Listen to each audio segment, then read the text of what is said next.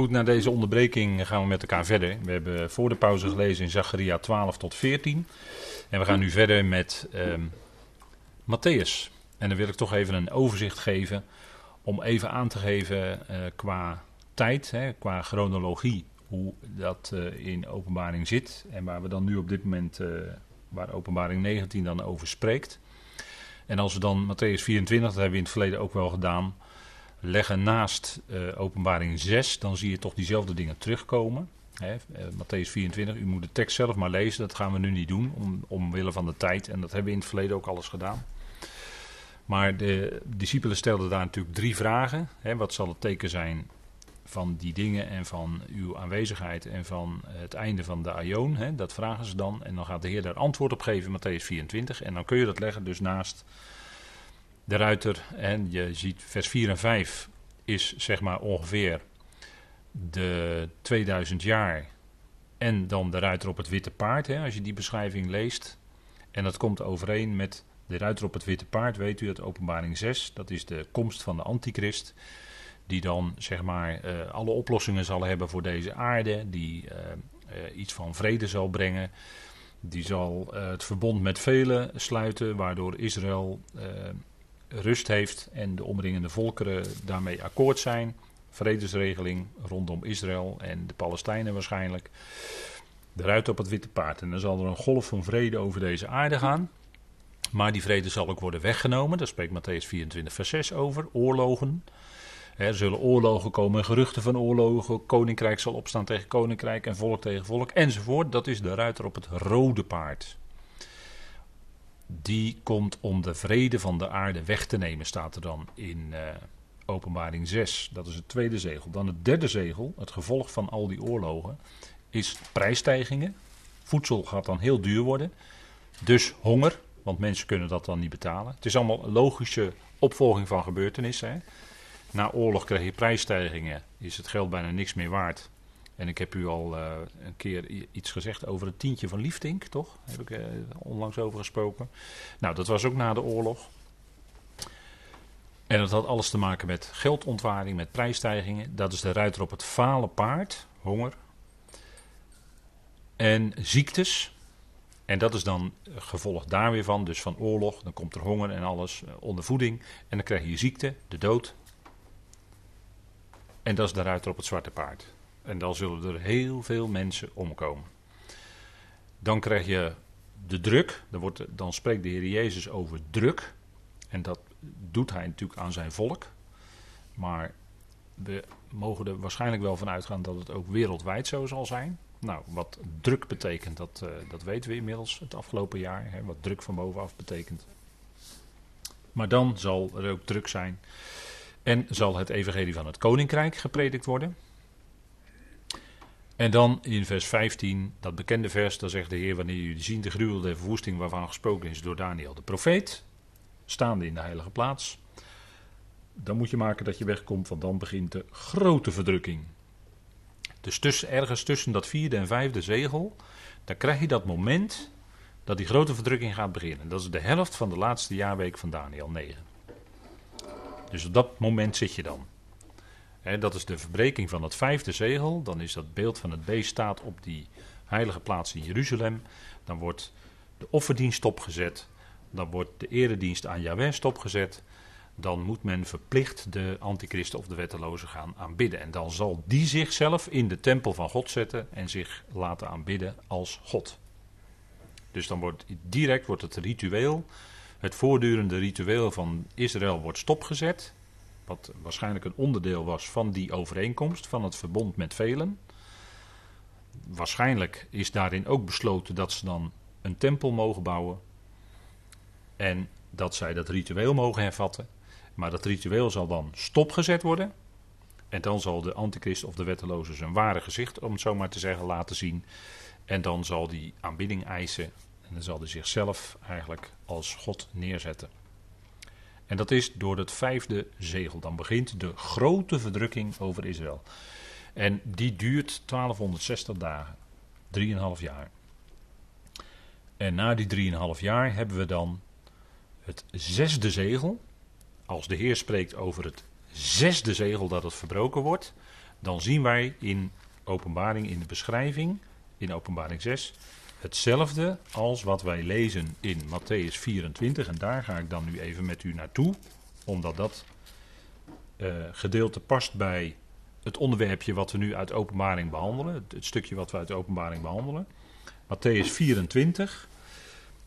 En daar staat, en meteen na de verdrukking van die dagen, dus na die grote verdrukking van 1260 dagen, zal de zon verduisterd worden en de maan zal zijn schijnsel niet geven en de sterren van de hemel zullen vallen en de krachten van de hemelen zullen heftig bewogen worden.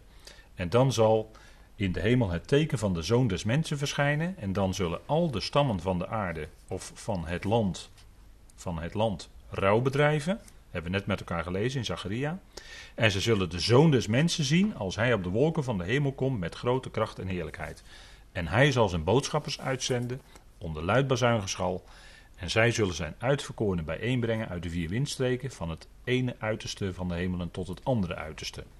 Dus dit is, als de Heer dus naar Zacharia 12, 13 en 14 zijn voeten gaat zetten op de olijfberg, met die grote aardbeving, en hij zijn volk komt verlossen. Dit is het moment dat die grote veldslag gaat plaatsvinden. Dat de Heer uit zal trekken als Yahweh Zebaot, als de, als de Heer van de menigten. En dan zal hij die legers vernietigend verslaan. Dan zal het teken van de zoon des mensen verschijnen. De stammen van het land zullen rouw bedrijven. Hebben we gelezen in Zacharia 12, dus dat is hetzelfde gebeuren. Dit is dus het einde, dus direct na het einde van de grote verdrukking. Dus direct na het einde van de laatste jaarweek van Daniel, uit Daniel 9.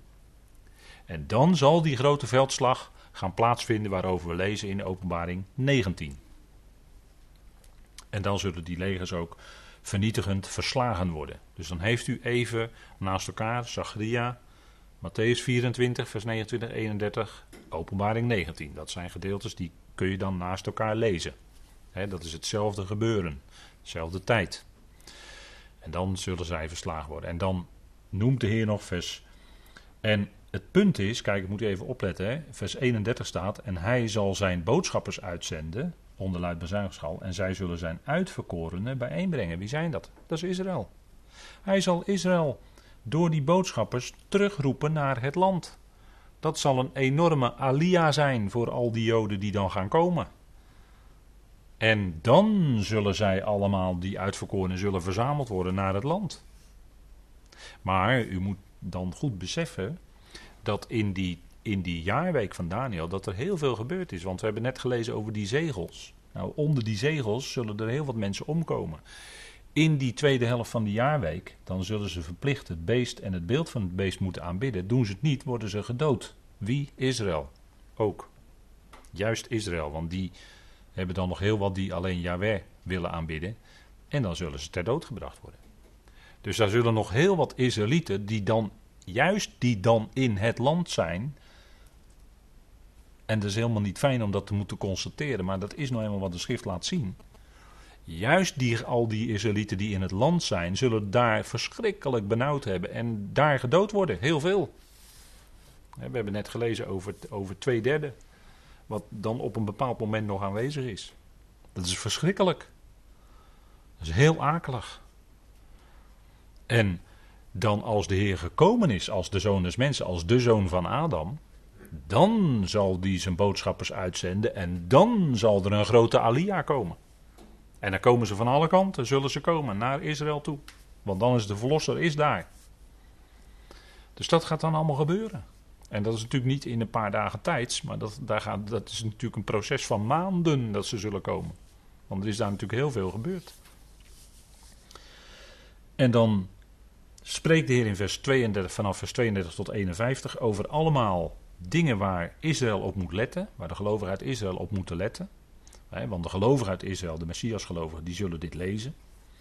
En dan zegt hij, kijk, als die vijgenboom zacht wordt en de bladeren uitspruit, dan weet u dat de zomer nabij is. Nou, dat is eigenlijk, een vijgenboom is een beeld van politiek, van... Uh, de, olijfboom is wat anders, maar dat is meer uh, de geestelijke kant. Maar de vijgenboom is een aanduiding van de politieke zaak. En, als die, en, dan lezen we dus hier de uitwerking van het Zionisme, hè, wat uh, in de afgelopen uh, 130 jaar 120, 130 jaar uh, heel invloedrijk is geweest en ervoor heeft gezorgd dat nu de staat Israël daar is en dat heel veel Israëlieten daar naartoe zijn gegaan. Dat is die vijgenboom waar de Heer hierover spreekt, die, waarvan het al een beetje week wordt en we zien daar iets gebeuren. Is nog niet de herleving waar we het voor de pauze over had door de geest van de Heer, maar is wel een beweging die je kunt zien. En dan weet je dat de zomer, dat is de duizend jaar, de komende koninkrijk, dat is de zomer. Dan weet je dat de zomer nabij is. Dan weet je dat die takken die worden al een beetje week en dan gaan die, gaan die vruchten die gaan komen, die vijgen die gaan komen.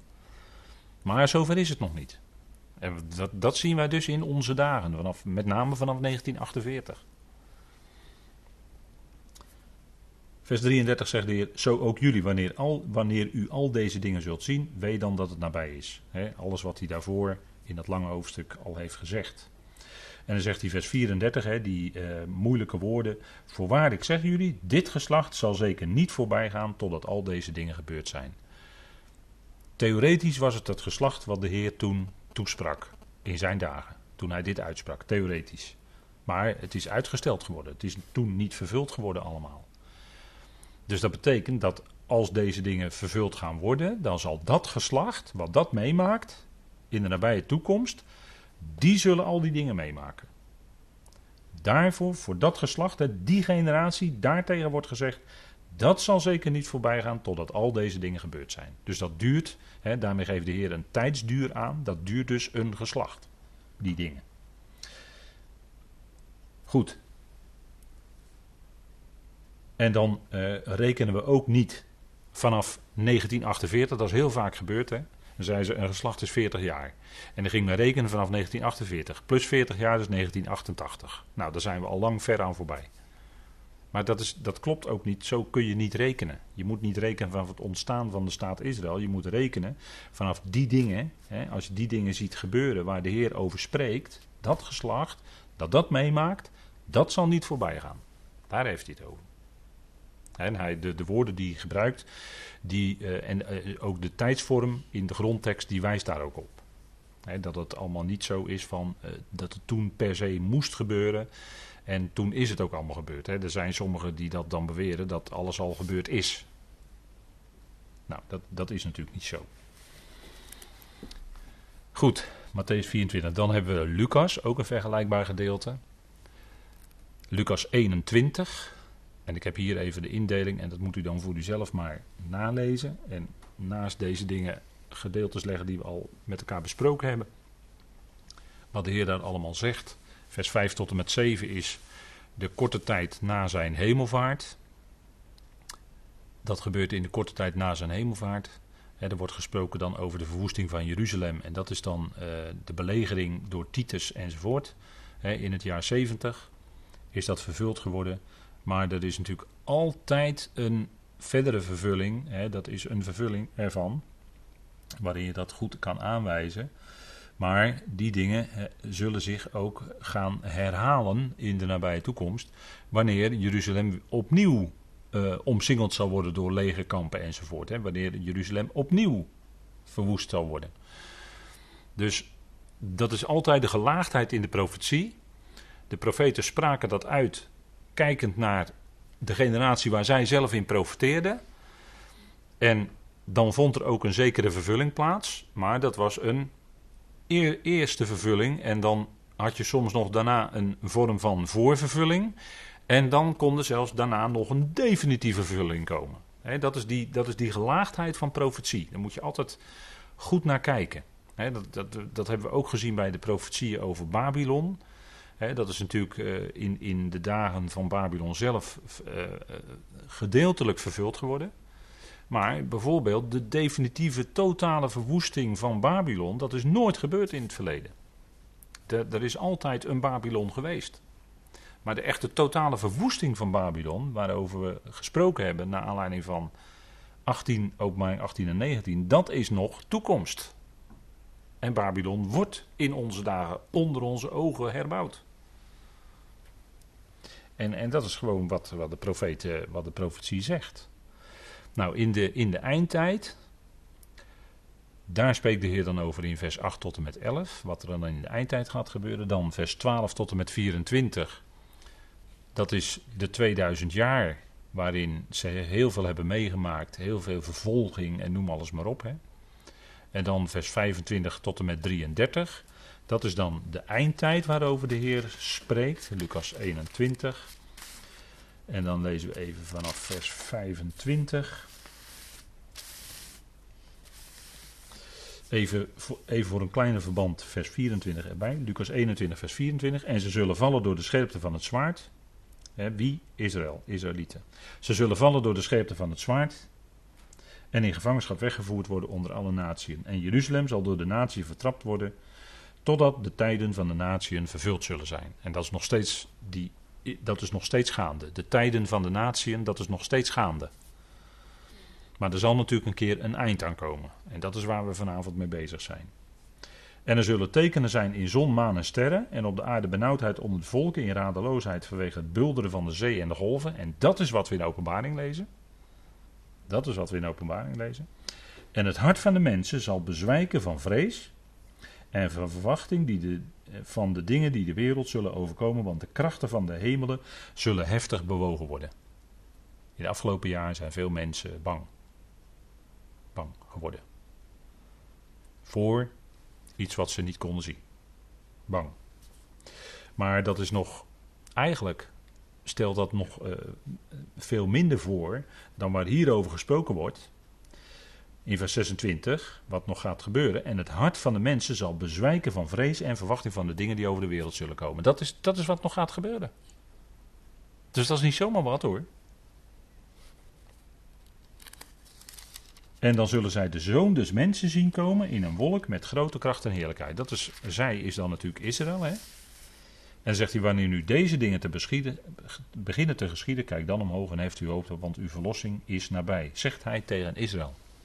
Tegen Israël, als bemoediging. Voor die generatie die dan leeft, die dat ziet. Maar dan zegt hij bemoedigend, weet dan dat je verlossing nabij is. En hij sprak tot in die gelijkenis, krijg je weer hetzelfde, is Matthäus 24.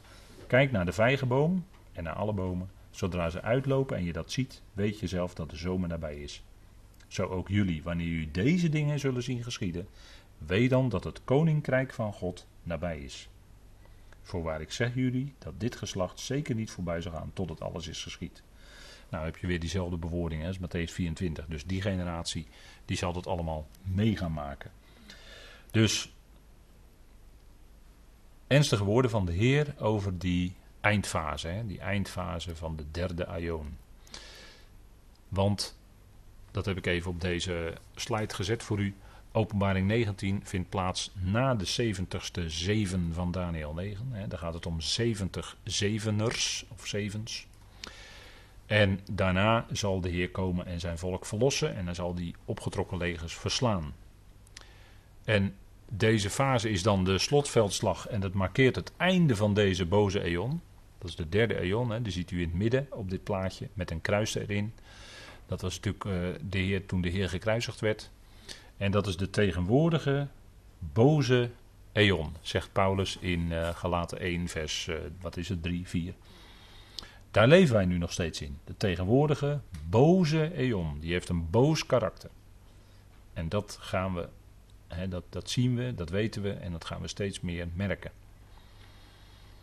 En enige tijd daarna, en dat, dat is moeilijk te duiden, maar mogelijk enige tijd daarna, na die, na die veldslag waarin de Heer zijn volk verlost, mogelijk enige tijd daarna, want het antichristelijke wereldrijk zal nog even voortduren.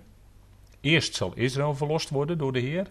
En vanuit Israël zullen ook de andere volkeren verlost worden. Van de tirannie die er dan is. Van de verschrikkelijke dictatuur die er dan is. En dan, dan gebruik ik woorden die dan niks te veel zijn hoor. En dan zal de Heer een eind maken aan dat despotisme van de tegenstander, van de wetteloze. Maar er gaat nog een tijdje overheen, want het is niet direct. Eerst Israël, nogmaals, dan zullen de andere volkeren ook verlost worden. Maar dat zijn stappen die gezet worden. Dus daarom lijkt het erop dat na afloop van die 70ste week van Daniel er een wederopbouw gaat plaatsvinden van Israël. En waarin men ook dan voorbereidingen zal gaan treffen voor de herbouw van de tempel die in Ezekiel beschreven wordt. dat is dus niet de tempel die zal staan in die jaarweek. Dat is een andere tempel, op, op een andere plaats waarschijnlijk. Maar de tempel van Ezekiel, Ezekiel 40 tot 48, die zal waarschijnlijk, en dat is een enorm gebied ook wat, daar, wat dat zal bestrijken. Want de levieten moeten daar wonen enzovoort. Er zijn allemaal woningen voor. Dat zegt de Heer ook hè, in Johannes 14. In het huis van mijn vader zijn vele woningen. Dat is die tempel daar in Ezekiel 40 tot 48. Hè. Daar zijn vele woningen. Dat is het huis van zijn vader. Wat daar zou staan in de duizend jaar. Hè. Johannes 14, die eerste verse. In het huis van mijn vader zijn vele woningen, zegt hij dan. En dan gaat hij die woningen bereiden. En dan zullen ze daar wonen als hij teruggekomen is. Dat, dat is wat hij zegt. In Johannes 14 heeft hij dus niet over de hemel. Maar heeft hij het over het huis van mijn vader. En dat is de tempel. En dat zal dan ook een bedehuis worden voor alle volkeren. Zoals Jezaja dat ook zegt. Dat zal in de duizend jaar ook zo zijn. Dan zullen zij daar komen om te aanbidden. Dan zullen zij in Jeruzalem komen. In uh, hebben we ook, uh, Zacharia zegt dat ook, hè, dat uh, de volkeren zullen dan komen, zullen dan ook moeten komen om het Loofhuttenfeest te vieren. Hè, dat is dan verplicht. Moeten de koningen komen. Willem en Maxima misschien. Die moeten dan komen om daar het Loofhuttenfeest te vieren. En dat zal allemaal dan de situatie zijn in de duizend jaar. Hè? Dus dat duurt dan natuurlijk ook best wel een tijdje voordat die tempel en dat hele tempelterrein en al die woningen, voordat het allemaal gebouwd is. Want het is natuurlijk een magnifiek geheel, die tempel van Ezekiel. En daar zal ook de offerdienst weer zijn. Het is natuurlijk magnifiek wat daar dan gebeurt. Maar dat kost natuurlijk tijd om dat allemaal op te bouwen. Dus dat is allemaal een ontwikkeling aan het begin van die periode van duizend jaar. En zo zal ook die die vijandigheid die zal verslagen worden. Maar ook uit de beschrijving van Daniel lijkt het erop dat het antichristelijke wereldrijk nog een tijdje voortbestaat voordat het definitief verslagen is. ze krijgen een enorme klap door die veldslag die ze verliezen. Maar dan zal het toch nog even doorgaan. En dan zal later, ik weet geen idee hoeveel tijd dat is, maar zullen we, zal de wereld dan getuige zijn van de verwoesting van Babylon. Wat we gelezen hebben in Openbaring 18 en gedeelte van 19. Dus daar gaat nog enige tijd overheen. En dat markeert dan inderdaad echt het einde van deze boze aion. En dan komt die vierde aion, de komende aion. En dan heeft men, hè, degenen die daarin zijn, die hebben dus deel aan dat eonisch leven daar. Leven in die aion. En dat zal, de tijd voor, uh, dat zal vooral de tijd zijn van de duizend jaren. Dan heb je nog niet alles gezegd, want die Aion die duurt wel iets langer. Maar de duizend jaren is natuurlijk een grote tijdspanne daarin. En er zullen ook allerlei dingen daar gaan gebeuren. En dan na die vierde Aion, dan zal deze oude wereld vergaan door vuur.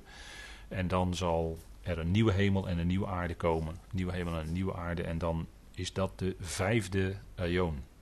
Waarin nog de tweede dood is. Maar die zal ook eens opgeheven worden. En dan wordt God alles in al. En dat markeert dan het einde ook van die vijfde aion. En dan blijft die nieuwe schepping wel. Maar die vijfde aion die loopt een keer af. En dan worden alle, allen levend gemaakt. En dan is Gods plan voltooid. Nou, dat, uh, daar dat is allemaal toekomstmuziek. Maar dat is natuurlijk geweldig. Hè? God volvoert zijn plan. Ook in deze tijd.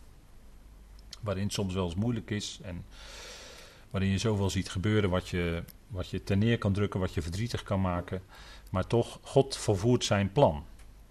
En God werkt dat uit in zijn Zoon Christus Jezus, onze Heer. En dat is waar we naar kijken. Hij is onze Heer, Hij is ons hoofd. We kijken naar Hem en we verwachten alles van Hem. En Hij geeft ons kracht. En Hij doet ons staande blijven. En Hij geeft ons moed. Hij geeft ons kracht. ik vermag alles in Hem die mij kracht geeft, zegt Paulus. Ik vermag alles in de Heer. Filippenzen 4, vers 13. Ik vermag alle dingen in Hem die mij kracht geeft. Of door Christus. Dat is nog beter gezegd, die mij kracht geeft.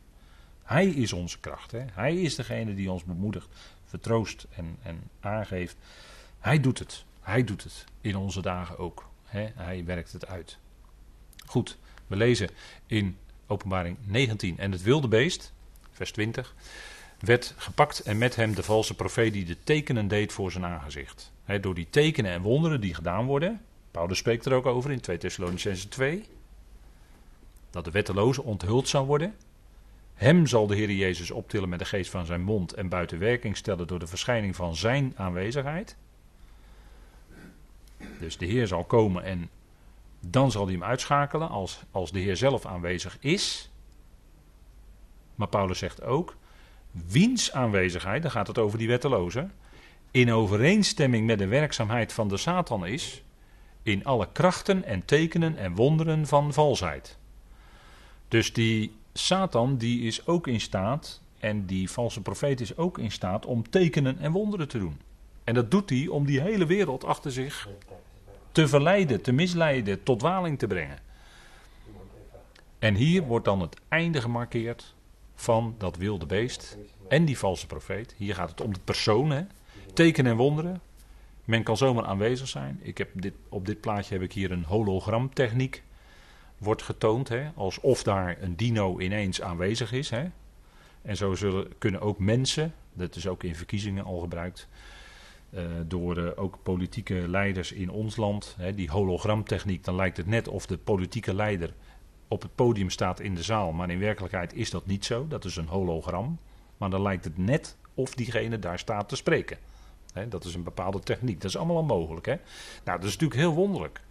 Dat is in de, in de mensgeschiedenis, voor zover ik weet, nooit zo geweest dat men dat kon. Maar het is nu mogelijk. Tekenen en wonderen, ook zoiets. Hè? Krachten, tekenen en wonderen. En uh, zal ook genezingen kunnen doen en noem alles maar op. Hè? Al dan niet uh, getrukt. Meestal is dat getrukt natuurlijk.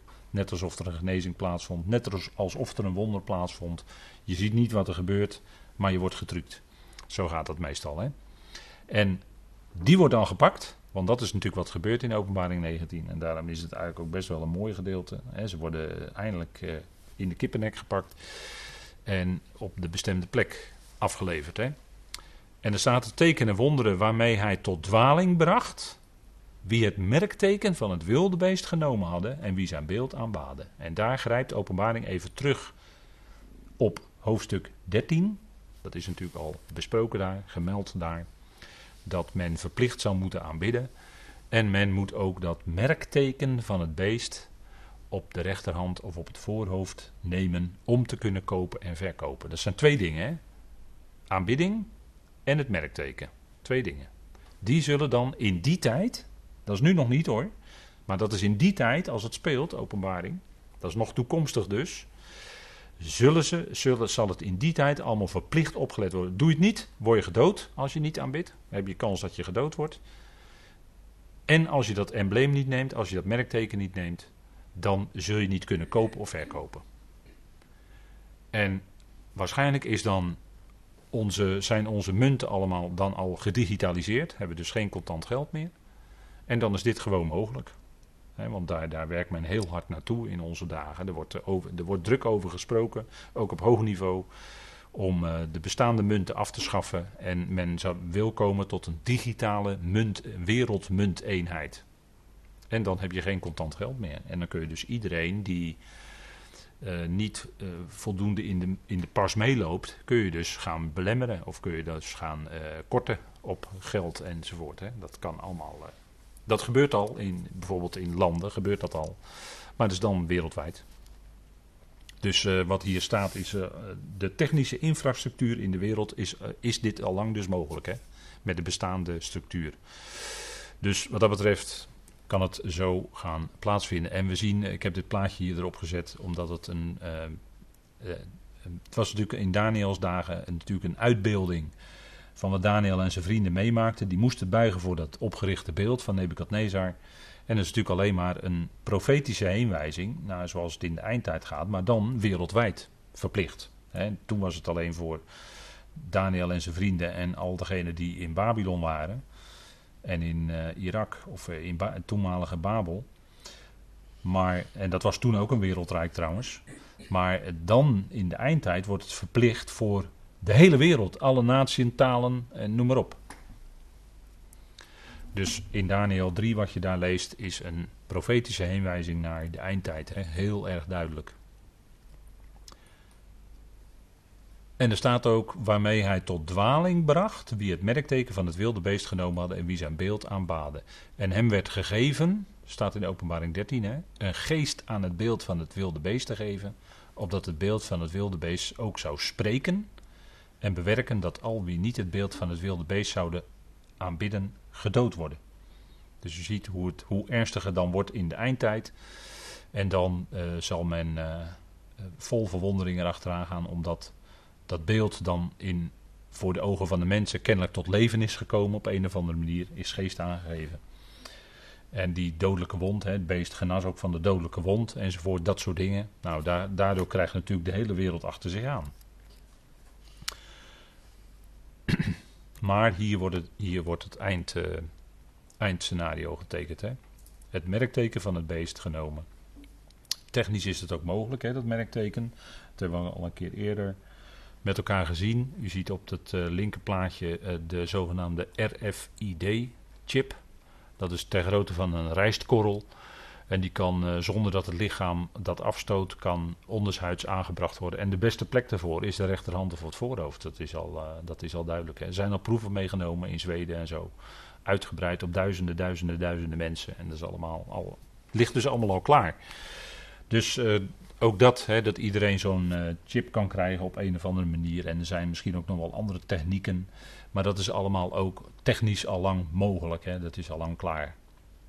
Dus uh, wat dat betreft, uh, ja, het kan allemaal zo uitgerold worden over deze wereld, hè, om het zo maar te zeggen. En die twee, die twee, het beest, dat is de wetteloze, oftewel de antichrist. Johannes noemt hem in uh, zijn brieven de antichrist, de in plaats van Christus. Uh, de heer Jezus had ook gezegd tegen zijn discipelen in die slotreden: er zullen vele valse Christussen komen, pseudo-Christussen en, en in plaats van. Maar dan komt de antichrist, de wetteloze. En die zal dan ook door Israël aanvaard worden als hun Messias. Dan zullen de rabbijnen denken dat hij de Messias is. Maar het blijkt later niet zo te zijn. En daar staat er in openbaring 19 vers 21. Levend werden de twee, die twee dus, geworpen in het meer van vuur, in het meer van het vuur dat brandt van zwavel. En dan moet je ook denken aan de beschrijving van uh, Lot in Genesis 19. Dat daar vuur en zwavel regende op Sodom en Gomorra. En dat Lot kon ontkomen met enkele.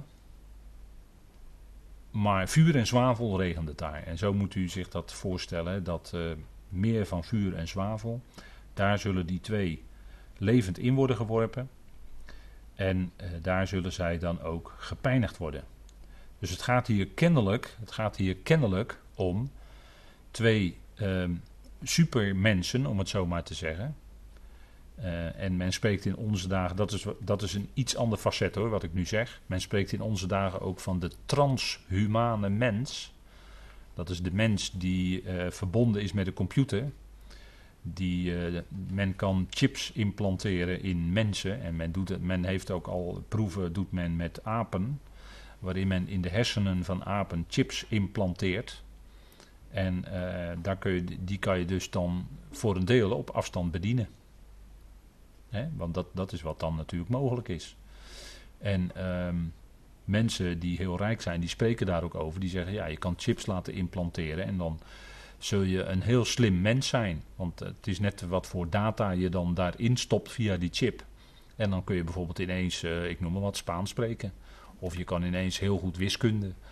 Of, uh, nou noem maar op. Hè. De mogelijkheden zijn dan eigenlijk eindeloos. Maar dan, als je zo'n chip hebt geïmplanteerd gekregen, daarom spreken ze ook over de transhumane mens. Het woord trans is afkorting van transitie, dat betekent overgang.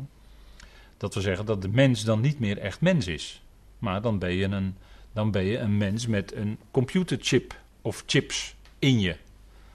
En dan ben je dus uh, op, op afstand bedienbaar, om het zo maar te zeggen. Want via die chip kan men dus ook allerlei gedachten in jou inbrengen via, eh, dat, dat is de gedachtebeïnvloeding, dat is dan ook mogelijk. En, en uh, denkt u erom dat dit geen SF is wat ik nu zeg, geen science fiction is. Maar zoiets heeft men bijvoorbeeld ook al in een jeugdjournaal van de, NO, van de NPO heeft men dit gepresenteerd. Wat ik nu zeg. Dus ik, ik zit hier niet iets uit mijn duim te zuigen. Maar dit is al geweest, hè? dat kunt u, eh, kunt u terugvinden. Maar het punt is dat men eh, het liefst zou men, achter de schermen, men, hè, eh, zou men dit willen, dat, dat eigenlijk alle mensen dan zo'n chip krijgen, geïmplanteerd. En dan kan men dus ook al jouw, dat is natuurlijk de andere kant van de zaak, dan kan men jou volledig controleren. Dan kan men alles controleren waar je geweest bent, wat je doet, noem alles maar op. Zelfs wat je wil, wat je denkt, alles. Alles kan men dan controleren. En dat zou men eigenlijk het liefst willen. Nou, zover is het natuurlijk niet, maar dit zijn wel plannen die er liggen. En technisch is dat ook allemaal mogelijk. Nou, en dat is wat we ook natuurlijk uh, vandaag de dag ook al wel weten. Hè. Door uw, uh, hè, door uw uh, smartphone kunt u overal gevolgd worden. Hè, dat weet u misschien wel. Maar denk erom als men wil en u komt op een of andere manier bij hen of bij de overheid in beeld, dan kan men al uw gangen aan de hand van uw smartphone nagaan. maakt u zich daarover niet te veel illusies. Want er zit gewoon allemaal dingetjes in die gewoon dat allemaal kunnen presenteren aan de overheidsmensen als men dat wil. Maar goed, levend werden die twee geworpen. Dus dat zijn uh, boven, uh, dat zijn ja eigenlijk zou je kunnen zeggen in een bepaalde zin supermensen. Die op een of andere manier ja wel mens zijn. Want als je ze ziet dan zeg je ja dat zijn mensen. Maar toch zit daar iets bijzonders aan. Want die twee worden in, in de poel van vuur geworpen. En die blijkt, later in latere beschrijving en openbaring, blijkt dat die daarin gepijnigd worden. Gedurende langere tijd. Dus die blijven in die poel van vuur leven. Terwijl het voor al die mensen die erin geworpen zullen worden, de tweede dood is. Maar van deze twee en van de tegenstander wordt ervan gezegd dat ze daarin gepijnigd zullen worden. Dus, dat is, dan, dus dan gaat het om twee bijzondere mensen. Uh, geest die zichzelf uh, gematerialiseerd heeft tot mens. Of moet ik het zo zeggen? Zou het zo kunnen zijn? Ja. In elk geval, in elk geval zullen zij wel blijven leven in die pool en zullen zij gepijnigd worden. Dus dat is een punt, hè? Maar dat zullen we nog gaan zien in de bespreking verder van openbaring. En dan als slotvers voor vanavond gaan we afsluiten. En de overigen werden gedood. Dus deze twee werden levend. Hè, dus ook een contrast wordt hier gezegd. Hè. De overigen werden gedood. Met de sabel van hem die zit op het paard. De sabel die uit zijn mond gekomen was. En alle vogels werden verzadigd door hun vlees. Sabel is natuurlijk eigenlijk een aanduiding van het woord wat hij dan spreekt. Hè. Er gaat een woord van hem uit. Hij spreekt een woord. En daardoor worden al die overigen gedood. Zo, dat is de kracht van zijn woord. En uh, dat is natuurlijk de overwinning die hij dan haalt op al die vijandelijke legers. En daar is die 185.000 uit de dagen van Sanherib. Is daar eigenlijk nog maar kinderspel bij. Want dan zijn het veel en veel en veel meer die daar gedood zullen worden. In één klap zullen al die legers verslagen worden, gedood worden. En dat is de grote overwinning. Want hij komt dan niet in vernedering zoals het was in het verleden. Maar dan komt hij als overwinnaar. Dan komt hij als de koning van de koningen. En de heer van de heren. En dan behaalt hij de grote overwinning door het woord wat hij spreekt. En zijn woord blijkt zoveel kracht in zich te hebben.